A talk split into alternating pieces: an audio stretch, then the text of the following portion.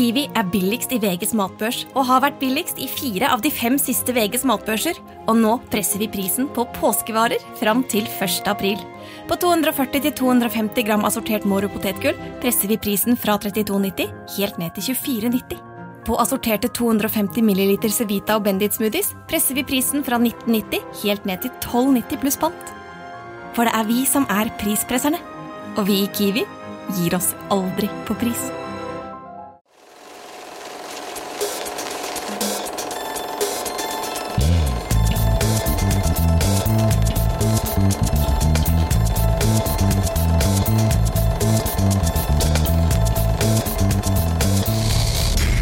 Filmmagasinets podkast.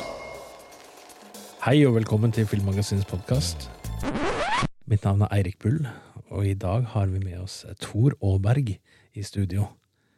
Dette er vel litt grann forvirrende, hvis du har hørt på tidligere. Jeg er også forvirra. Men jeg liker det. Forandring fryder. Så i dag har vi rett og slett Eirik som introduserer eh, dagens episode. Herlig. Herlig. Vi eh, fortsetter der vi slapp forrige uke og skal snakke om Star Trek. Da snakker vi en del om Star Trek Strange New Worlds, og i dag skal vi snakke litt videre om fenomenet Star Trek, og litt, sånn, litt rundt den franchisen. Franchisen. Jeg liker å bruke ordet franchise. Jeg sier franchise. jeg. Sier begge dere. Ja, det er, det er fritt land. Ja, det er fritt land. Ja, Bare du eh, snakker riktig. Ja, så lenge det er eh, språklig korrekt, så er det greit. Ja. Hvordan vil du si at Star Trek har utviklet seg med tiden? Altså, Vi kan jo si at original series, som det begynte med, der var det jo en del, eh, la oss si, problematisk atferd som ikke hadde gått den dag i dag. ja, selvfølgelig. Det, det, på en måte så var uh, The Original Series uh, veldig progressivt, i, som vi var inne på i forrige episode. Progressivt i forhold til tiden. Det var mye ideer. Altså Gene Roddenberry hadde mange ideer som han ville få fram for å liksom, speile sitt utopiske samfunn som han så for seg. Og han var jo en veldig interessant mann. Tidligere pilot og, og egentlig, egentlig sånn derre ideolog, da. Mange kan si at han hadde et kvinnesyn som ikke var helt i vater. Og, og det var jo litt sånn, eh, sånn, sånn eh, Du kan si at det var progressivt, men det var jo enden av 60-tallet. Ja, ja. Og, og det var litt sånn eh, det, hadde ikke, det hadde ikke gått bra i dag. Nei, definitivt Eh, ikke. Og det reflekteres jo litt i hvert fall, eh, original series. Captain Kirk Ja, og mange andre i original series er eh, la oss kalle det grafsete. Han er en grafsete, ja. Altså, Captain Kirk er jo en som eh, han, han, han reiser rundt rett og slett i galaksen, og det er en parodi da på at han, han har seg med alt på to bein når han kommer over. Ja, til og med aliens. Ja, masse ja, ja, masse aliens, og det er, eh, det er, men aliens på den tiden var jo stort sett damer malt grønn. Det er Grønt. sant, og hvis de ikke vil, så skal de holdes fast og kysses til Ja. de liker det, og det, er, det er problematisk. Så det er litt sånn uh, Original series hadde en tendens til å være litt sånn rapey. Det, er sant, det. Uff, ja. Eh, men, men igjen, se på James Bond. Det var samme tid, de første James Bond-filmene. Det er noen likhetstrekk der med karakteren til. Kirk og James Bond. Og William Shatner han er jo en kjempeinteressant skru. da Han, eh, han er jo Er ikke han i 90-åra nå? Jo, jo. Han, eh, han ser jo i hvert fall ikke sånn ut. Han er jo sånn, eh, sånn veldig morsom, eh, morsom type. Og han, han er vel han, Skjøt ikke han ut i verdensrommet? Hvem var det som gjorde det? Var det Bezos eller en av disse milliardærene som, som skulle skyte opp en sånn rakett som så Var det han som, den som så veldig ut som en penis, rett og slett? Det har vært flere av dem. Altså, det har jo SpaceX med Elon Musk, og vi har jo Bezos. Bezos var vel først. Ja, hvem var det som var veldig fallisk, den, den raketten som alle, ble, alle lo av? Jeg må innrømme at jeg ikke har fulgt så nøye med på uh, rakettformer. eh, Ei heller Bezos Du, dette er jo Star Trek-episode. Det er jo med om vi snakker om Captain Kirk, men, eh, men Hadde jeg, eh, hadde jeg tenkt at nå, i fremtiden skal jeg lage en Star Trek-episode, hadde jeg fulgt mye nøyere med på rakettformer. de sendte i hvert fall eh, William Shatner ut i verdensrommet. Eh, gamle mannen. Og der kan han bli! Ja, der kan han bli, ja. ja nei, men han, han er sammen med en sånn milliardær. Eh, så så han, eh, han fløt rundt, for han var jo, blir jo sett på, som du sier Star Trek startet noe. Og det inspirerte veldig veldig mange, og, og, og han- han ble jo sett på som den der pioneren av sci-fi. Eh, nå, skal, nå har, jeg en, har jeg en tanke om at eh, du kan si at Star Trek var veldig viktig for sci-fi eh, i, i media, men, men eh, det er ikke det som startet sci-fi. Eh, hvis, eh, hvis, eh, hvis fantasy, sånn den er nå i dag, ble startet av J.R. Tolkien, så, eh, så er det Isaac Asimov eh, og Foundation som startet sci-fi, sånn som den er i dag. Absolutt. Det er en live action-serien av, da, av, Foundation. Den har jeg også sett, så den kan vi snakke om en annen gang.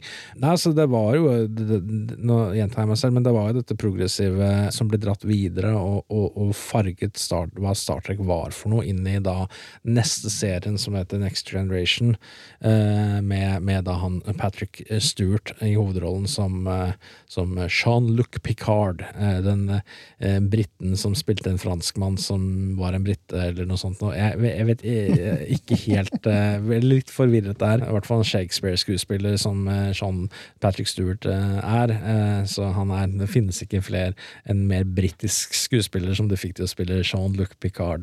Sant nok. Og han er jo en god kaptein. Jeg tenker Vi skal komme tilbake til hvilken som er den beste kapteinen, og diskutere litt sånne karakterer etterpå. Nei, men William Shatner var eh, ga jo eh, hovedrollen videre da til eh, Patrick Stewart som Jean-Luc Picard, men dette blir jo da mer en ensemble, ensemble-gjeng som spilte, spilte mannskapet til, på romskipet. Ja, Du får, får på en måte et mer innblikk i flere av karakterene der enn du gjør i original series. Absolutt. Ja, det syns jeg. For, jeg- for, og det skal jo sies at i Original Series så var det veldig mye drama bak, eh, bak eh, under innspilling, og spesielt William Shatner og, og George Takei hater jo visstnok hverandre. Visstnok, jeg har lest litt rundt dette, så ikke bare hater de hverandre, men visstnok ifølge Takei så er det sånn at alle andre hata også Shatner. Ja, at ja, Han ja. var bare grusom å jobbe med, og, og på en måte bare var veldig sånn trakasserende og kjip og vanskelig å jobbe med, og at alle resten av casten bonda litt over hvor mye de hata Ja. Shatner, og det er jo en dårlig deal.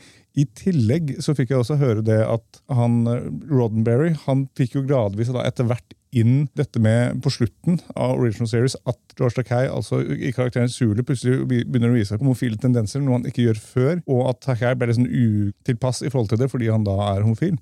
Og at Roddenberry tenkte fordi du er det, så burde du spille den rollen. Mm. Så det er sånn interessant også på en måte hvordan dette er i tiden nå. Det vil jeg trekke fram, Ja. mens Takei var utilpass. da. Men, men dette progressive har jo blitt dratt videre, da, og de har testet det eh, mange ganger eh, gjennom de forskjellige seriene. De har testet det er forskjellig problematikk i verden. De har, de, de har testet dilemmaer, de har testet eh, tidsånden, som de gjør i Star Trek, og det har gått bra veldig ofte.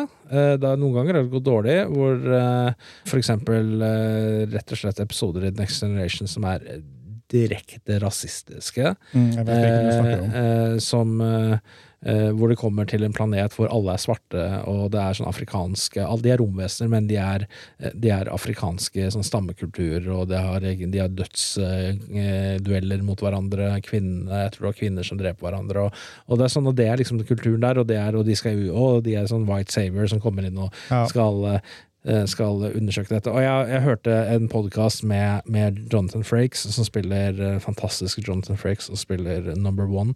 Uh, han som er nestlederen på Enterprise. Og han regisserer nå veldig mye av episodene den moderne Star Trek. Riker, altså. Eh, Riker, ja. Så han, eh, han eh, sa at da de spilte denne episoden, så han og, og flere av de andre, inkludert Patrick Stewart, sånn, de gremmes skikkelig av den episoden. Og det er noen eksempler på elendige episoder i The Next Generation. Sånn som ja.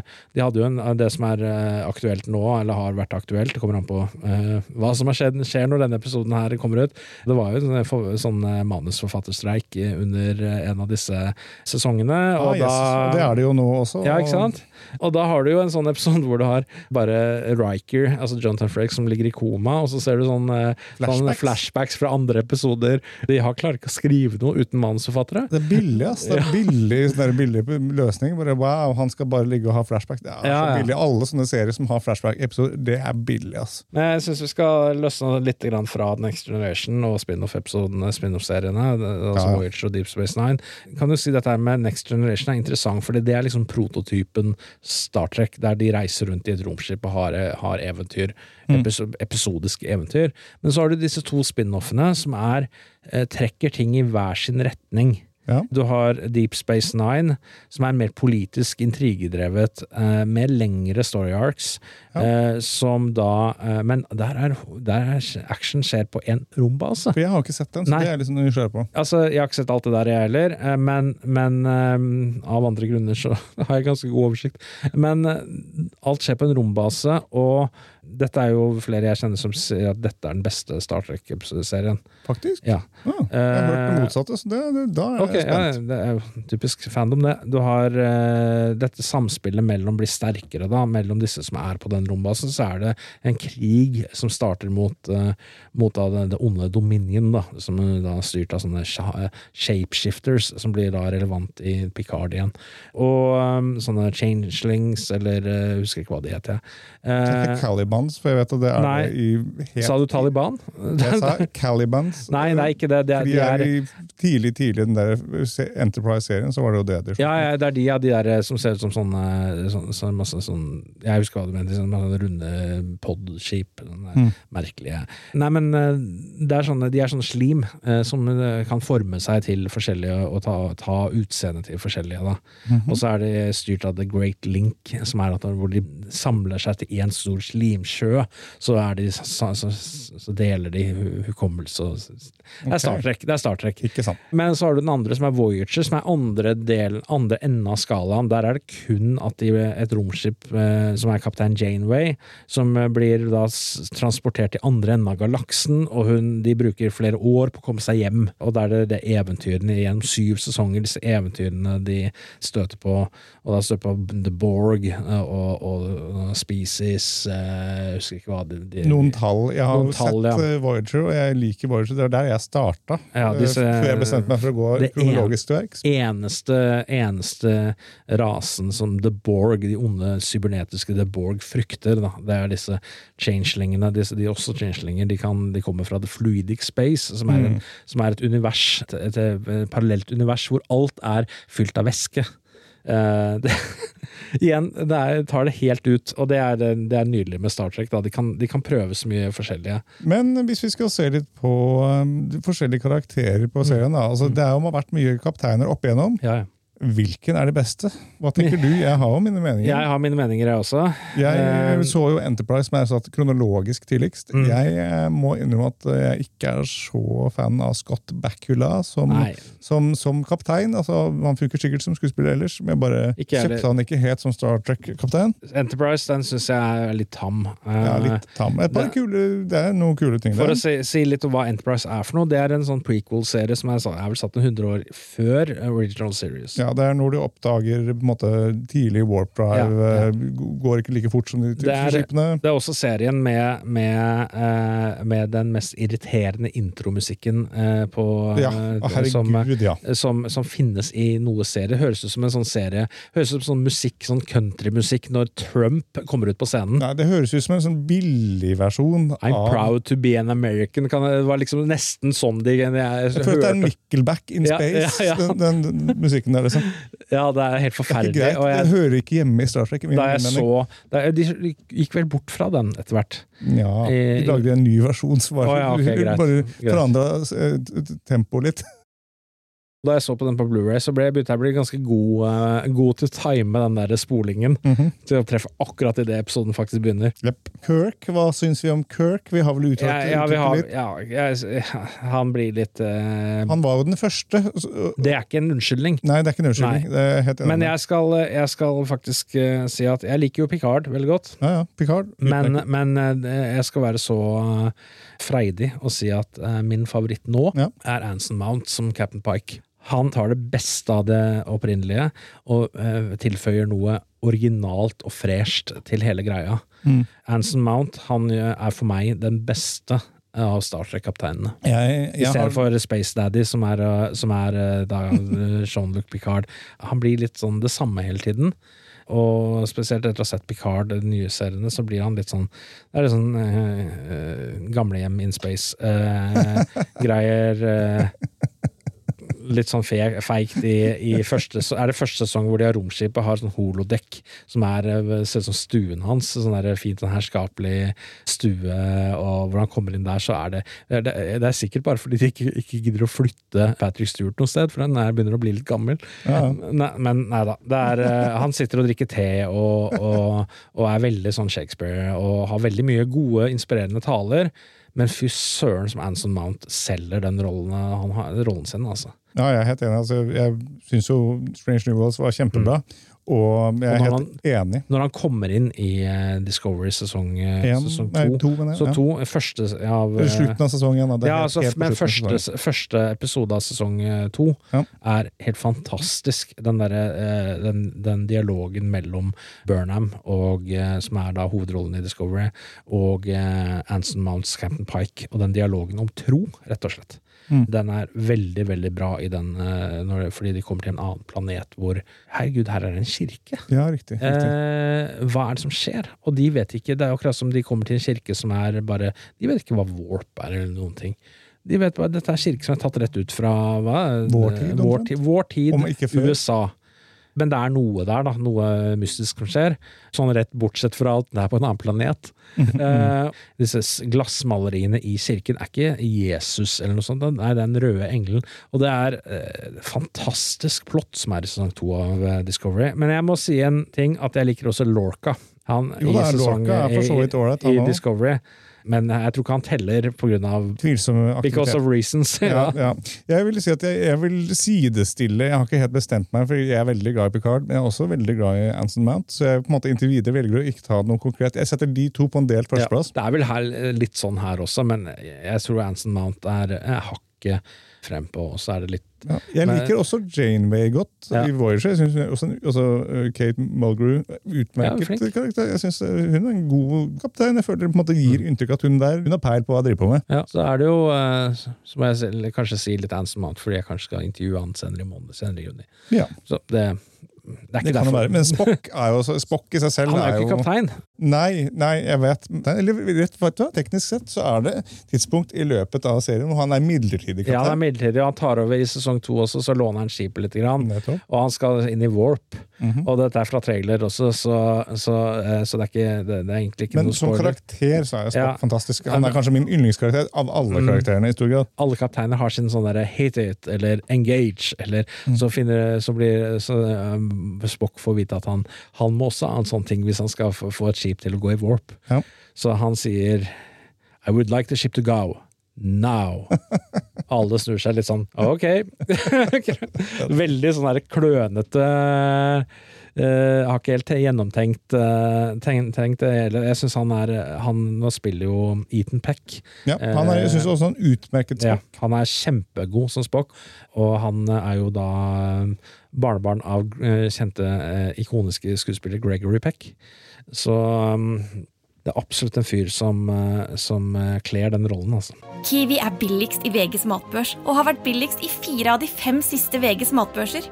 Og nå har vi billige parti- og sesongvarer til påske. På seks ganger halvannen liter Coca-Cola Zero setter vi prisen til 79 pluss pann. På 600 gram Folkets Burger Big Pack setter vi prisen til 79. På 650 gram Lerøy helside laksefilet i aluminiumsform setter vi prisen til 169. For det er vi som er prispresserne. Og vi i Kiwi gir oss aldri på pris.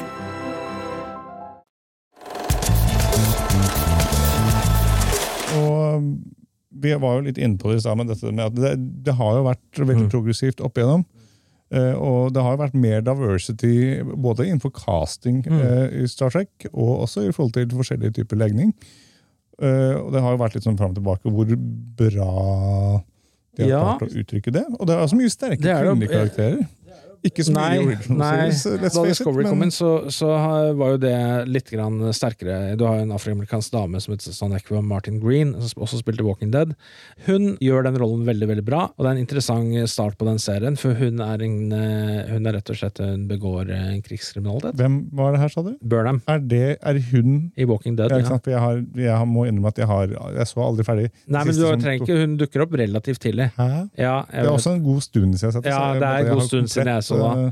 Men hun er i Walking Dead, det er jeg ganske sikker på. Okay. Så hun er ganske sånn mutt og morsk eh, og sitter oppe i et tårn, husker jeg, og skyter zombier. Mhm. Men ehm, så har du gode roller, sånn som eh, e- han alien eh, Saru, som blir spilt av eh, legendariske Doug Jones. Ja, han er flink. Så har du Anthony Rapp og, og Wilson Cruise. Og her har du en god del diversity, LGB Det klarte ikke jeg å si det engang. LGBTQ+. LGBTQ-skuespillere og, og den slags. Du har det, det, det ligger veldig, veldig sterkt i den storyen. Mm. Det fungerer veldig bra i sesong én og to. Fordi at eh, da har du jo, da har du jo um, Wilson Cruise og Anthony Rapp sine roller som er et par. Han ene er forskeren på skipet, og veldig sånn derre eh, Veldig sånn obsessed forsker, og han andre er legen på skipet. Syns det er en fin storyline. Ja, det er en veldig fin storyline med de to. I senere sesonger så går de litt over bord med Det blir litt sånn pandering. Okay. Det syns jeg spesielt etter tre, sesong tre. Mhm. Det blir litt pandering når de skal eh, Når de skal gå De går veldig hardt inn på det. Eh, og, og det blir litt sånn sukkersøtt. Og når de begynner å bli Det blir litt sånn der familie og, eh, og, og sånn som tar litt vekk fra eh, hovedstoryen, syns jeg, da. Jeg har ikke sett den tredje Nei, sesongen, så nei. Så. Eh, så jeg vet ikke om folk er enige med meg eh, i akkurat det der, men eh, Det har jo vært veldig mye folk på nett som på en måte er misfornøyd. Og interessant nok også William Shatner, som driver og liksom er veldig aktiv på nettet. og liksom, Mm. 'Jeg liker ikke den nye Star Trek, det er for woke', liksom. altså William Shatner er en bot. Han, Ja, ja, han, han, han, er, altså han er en, gam, gammel out of touch-mann som, som egentlig ikke har eh, noe peil på moderne media. Ah. Eh, det er mitt inntrykk av han. Min mening er at hvis du bruker eh, ordet woke i en nedsettende eller argumentativ måte, så har du tapt den diskusjonen. Mm. Og eh, det blir for dumt, liksom. Men det er jo Star Trek skal alltid være, eh, være en, et speilbilde på sin tid. Ja. Og det er politikken, det er ideologien, det er alt det. Hvis du tar bort det av Star Trek, så er det ikke Star Trek lenger. Perfekt du sier det, fordi det jeg tenkte også å se på, liksom, de har jo covra en del samfunnskritikk opp igjennom, og tar opp en del interessant og aktuell problematikk. De har jo f.eks. episoder hvor de tar opp eh, problemer med forurensning, hvordan måtte det på- påvirker naturen og menneskeheten Ja. over tid eh, framover. Og gjerne da med noe sånn metaforisk sett, eller en, en eller annen allegori her og der, fordi alt er jo ikke sånn helt direkte, men det er jo tydelige ting de prøver å ja, kommunisere. da. De er ganske, de er ganske harde på, eh, på temaene de står for. For eksempel eh, i Enterprise så er, det, så er det jo episoder som eh, tar og går i strupen på eh, sportsjakt. Ja. Jakt av dyr. Ja, Federation de driver ikke det med det, det lenger, fordi det er barbarisk. Og det er, eh, og, men så møter de en, de en hel, Da har de da til og med tatt en hel rase eh, i galaksen som er sånne superjegere. ja. Eh, sånn Herogen heter de, eller noe sånt. Noe. Eh, ja stemmer nok. ja. og som er sånn superjeger som jakter på folk, eh, som de fanger. da, Det er Predator-rip-off. Tydelig ikke sant? Ja. Men det er også en episode hvor de, vi treffer noen på en planet som er sånn der, Jeg tror de er mennesker eller menneskelignende som da eh, er på jakt etter dyr. da, Og så så blir den dialogen om hvor riktig det er da, om Ja. å være på sportsjakt. Ulempen med dette her da, er at de, de ofte glemmer i, eh, hva de har gjort i tidligere episoder med, i senere episoder. Mm. Eh, så de går noen ganger bort fra sine egne prinsipper. og Ja. og, og sånn, sånn som i, i Picard, så er det så er, er det en episode hvor de besøker Riker, og, han, familie, og hun er, han, er, han er gift med, og de har vært ute og jaktet på noe og serverer på grillen, liksom. Mm. Og, og da bare Ja, hvor, ble av de prinsippene? Det er men det Nei, vi ble gamle og gikk fra prinsippene. Ja, ikke sant. Det er sånn det skjer når du blir eldre. Ja, ja. Men, eh, men det er jo sånn, det er så mange episoder, så det er noen som har sovet litt i, i timen Ja, akkurat ja, der. Men det blir kanskje et problem med så mange episoder, så er det vanskelig å holde på en kontinuitet og en helt da liksom det er noen ganger de kan, det er noen ganger kan, jeg kan skjønne en retcon her og der, Ja, ja. spesielt med Eugenic Wars og sånne, sånne helt sånn, sånne spesielle sånne historiske ting i Star Trek, men sånne småting. Mm. Hvorfor ville man jaktet når man kan lage mat i en sånn, eh, sånn av energi i en sånn maskin. Sånn som Replicator. Replicator, ja. Hvorfor, hvorfor man, man ville ikke jaktet da? Det ville ikke blitt en sånn der ja, det er ekte mat, så dette her er, dette er eh, gro, eh, potet som er grodd fra jorden. Eh, Ikke overvurder menneskeheten her nå. Nei, ikke sant. Vi får se om noen år, da. Eller vi får se hva som skjer når denne, denne dyrk, det dyrkede kjøttet kommer. Yep. Om, eh, fordi det har jo begynt å komme i, i California, har jo begynt å selge det. Som er da labdyrket fra stamceller, og sånt som er renere og sunnere og alt mulig, og, og skal koste like mye da. Ja. Men eh, det vil da etter hvert bli lettere å produsere. Vil da eh, ekte vi kan si det ekte, da.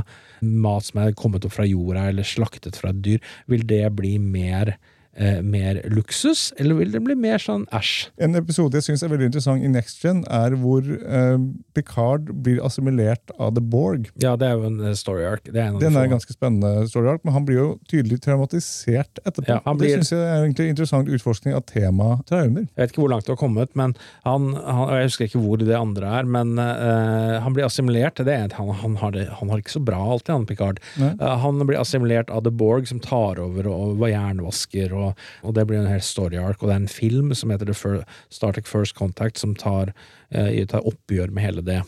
Men han blir jo også fanget av Dominion en gang, hvor det har en sånn tortur, lang tortursekvens, eh, sånn, som er mer en sånn eh, psykisk tortur rett ut fra eh, sånn spioneopplegg sånn med lys, som har med sånn disse lysene å gjøre, eh, hvor han blir stadig spurt om hvor mange lys er det. Og så skal han eh, Ja, er det fem eller fire? Det er fem lys. Eh, Det er, det er sånn som mål blir han tvunget til å si feil, da. Fordi han skal bli hjernevasket. Eh, også, men han, han står på det, han sitter, sitter naken, da, og så roper han dette her. Og da, eh, det er hvor mange lys det faktisk er, da. Han gir seg ikke. Og det er, det er sånne legendariske scener med, Wow. med, med Patrick Stewart og som Jean-Luc Picard der. Da. Men det er sånn som tar litt sånn som går, toucher litt inn på deep storyline i Deep Space Nine, så jeg tror det er litt senere, eh, senere sesonger. Det har jo også tatt opp sånne ting som overbefolkning eh, flere ganger. Det har vært mye krig og propaganda. Liksom Ja. også sånn tydelig, på en måte, Før fake news-konseptet kom ut. så er det Mye av de tingene vi har blitt tatt opp, opp igjennom. Også for så vidt identitet og kjønn. ja. Og gjerne det også da møte med andre kulturer. Altså, de har klart å covre ganske mange interessante ting som man ikke ser i alle typer Ja. sci-fi-serier. Og det er jo det fine med at veldig eh, mange av disse romvesenene eh, ser jo menneskelignende ut. Og det er en grunn til det i, eh, i det universet. Det er bra du sier det, for det var en ting jeg stoppa opp til å begynne med. bare jeg syns det virker påfallende menneskelig. Ja. Disse bare, vet, okay, Får jeg si spoiler alert her, jeg vet hva det kommer an Det, det er, men den, den faktiske grunnen var at det var vanskelig å lage spesialeffekter eh, og sminke eh, så mye. Mm. Eh, når de skulle eh, da, da de skulle spille inn ukentlig, så var det ikke mulig. De hadde ikke budsjett til å lage alle disse protesesminken. Ja. Men det som er fordelen med det, er at du får menneskeligheten gjennom i skuespillet. Sånn. Og så er den in universe-grunnen er at det er en eh, sånn her superrase, sånn progenitors, som har dratt rundt og liksom sådd, programmert eh, utviklingen på forskjellige planeter. Yep. Eh, hvorfor husker jeg ikke, men eh, Men det er forklaringa på hvorfor alle ser liksom menneskelige ut. Ja, Eller ikke ja. alle, men veldig mange. Veldig mange ser ganske menneskelige ut. Altså De som ser helt annerledes ut, det er for eksempel da den derre changelings, altså species eh, et eller annet tall. Og så, eh, For de kommer fra et annet univers, ikke sant. Ja, Så det er, det er grunnen til det. En ting jeg synes har også vært ganske interessant med Star Trek, er hvordan eh, den har drevet på såpass mange år, og den har egentlig forutsagt eh, mye teknologi som har kommet, og noe kan kanskje til og med blitt inspirert av Star Trek, hvem vet? Vi har jo communicators som de stadig bruker eh, fra en tidlig tid. Da er jo mobiltelefonene er jo overalt. Eh, De hadde også tidligere sånn type tablets, eh, type iPad eller andre, andre nettbrett. Det hadde de tidlig. Stemmeaktiverte datasystemer er noe vi har. Ikke alle bruker det, men eh, medisinsk skan- skannerteknologi, altså MRI, den type ting. Det, vi har jo det nå. 3D-printing, de gjør jo en stor grad det der. Hologrammer har blitt, altså det har vært hologrammer, altså Tupac og flere andre artister har på en måte holdt konserter etter sin egen død. Ja. Så vi har jo fått til eh, i hvert fall er på lang, på lang vei med eh, hologram. Nå er det ikke noe holodex rundt omkring i så mye, men Kommer, etter, kommer etter hvert. Universal Translators. eh, Ja. Les Google Translate. Ja, altså Den telefonen jeg sitter med, den er nesten en universal translator allerede. Ja. Altså Jeg kan ta kamera på eh, på mobilen på skriftlig tsjekkisk på filmfestival i Tsjekkia hvert år. Og kan ta på, det skal jeg prøve den telefonen. Jeg skal prøve det, ta, for jeg får en sånn goodiebag hver gang jeg kommer dit, eh, for jeg er journalist, og da med Alt er på tsjekkisk. Alt sånn brosjyrer og sånn. Og Da kan du ta telefonen på kameraet over, så kan du bruke Google-funksjonen til å bare så legge den i realtime over på norsk. Og på skriften. Sånn AR. Fett. Så det er, eh, det er litt sånn Star Trek. Eh, Det, det går, er nok litt sånn her med stemmer, men jeg tror ikke det er realtime ennå. Jeg kan ta feil. Eh, Men den tiden hvor du har sånne politikere, da, sånne eh, folk som sitter i øret og oversetter i all hast mm. på sånne toppmøter og sånn, den Ja. tror jeg er, eh, den kommer til å være en svunnen tid. Ja, ja. Vi har jo også sånn at man kan skanne øyne, man kan skanne altså andre biologiske blod, altså mange ting for å komme inn steder. På, Og så har du jo maten, da, som vi snakket om. Ja, ja, nå er vi kanskje ikke helt der hvor vi kan der kan vi, Det kan vi Vi kan, Det tar vel en seks uker å, å gro eh, kjøtt nå.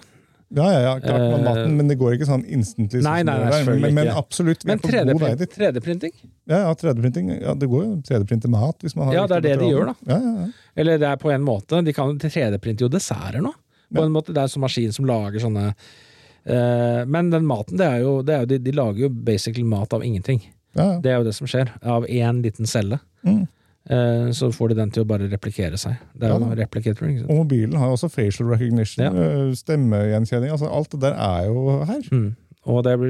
AI, ikke minst. AI, altså, ja, jo, ja. Det er jo Om vi får chat-GPT inn i en, eh, inn i en eh, robot eh, som ser ut som et menneske, det blir nok noen år til. Men det, jeg så noen som hadde laget kombinert noen modder til dette spillet Skyrim. Ja. eh, som hadde da tatt, tatt programmert inn chat-GPT -hmm. og en sånn stemme-AI-greie. Aha. Og så har de tatt, dratt det inn i Skyrim.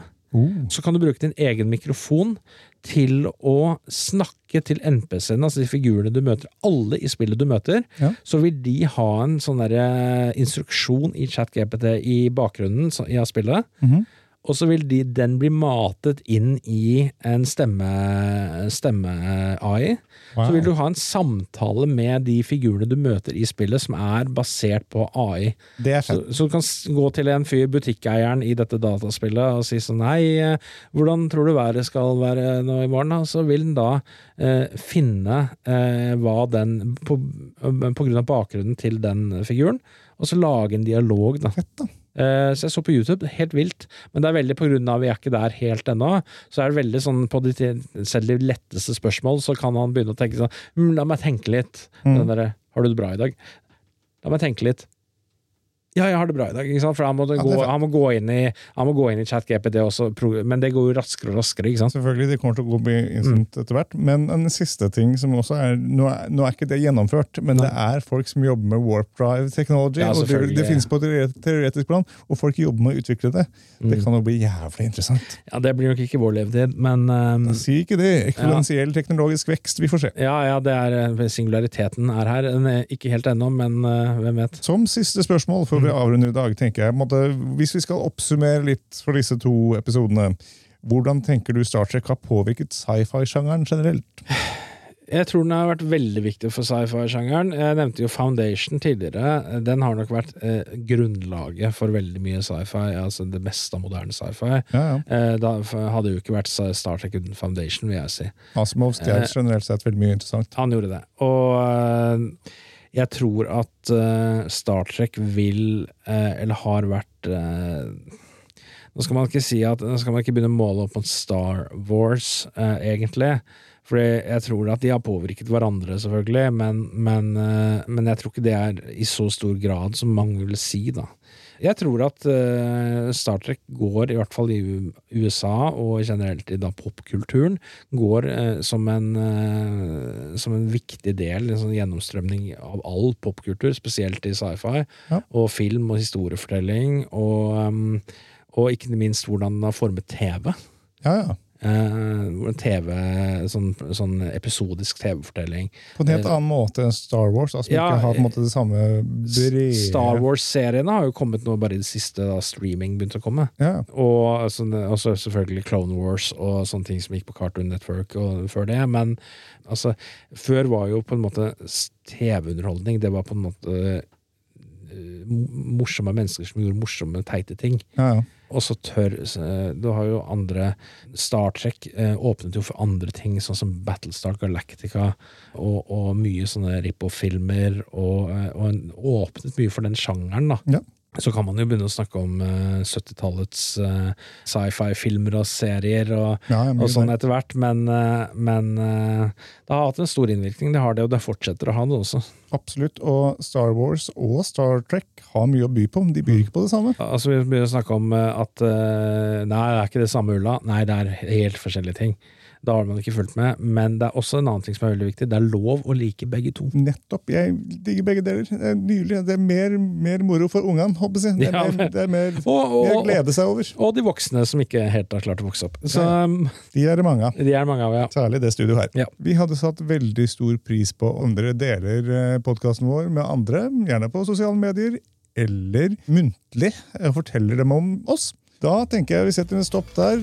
Jeg sier igjen live long and prosper. Takk for nå.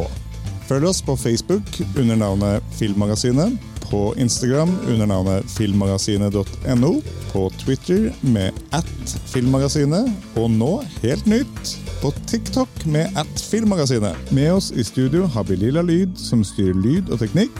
Introvignetten er laget av Francesco Hygen Pudo. Tusen takk til Bauer Media for godt samarbeid og utlån av studio. Ansvarlig redaktør for Filmmagasinet er Eirik Bull, og mitt navn er Tor Aaberg.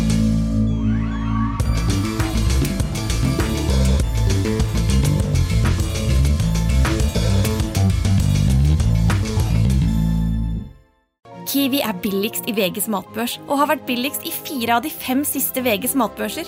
Og nå har vi billige parti- og sesongvarer til påske. På 6 ganger halvannen liter Coca-Cola Zero setter vi prisen til 79 pluss pann. På 600 gram Folkets Burger Big Pack setter vi prisen til 79. På 650 gram Lerøy helside laksefilet i aluminiumsform setter vi prisen til 169. For det er vi som er prispresserne. Og vi i Kiwi gir oss aldri på pris.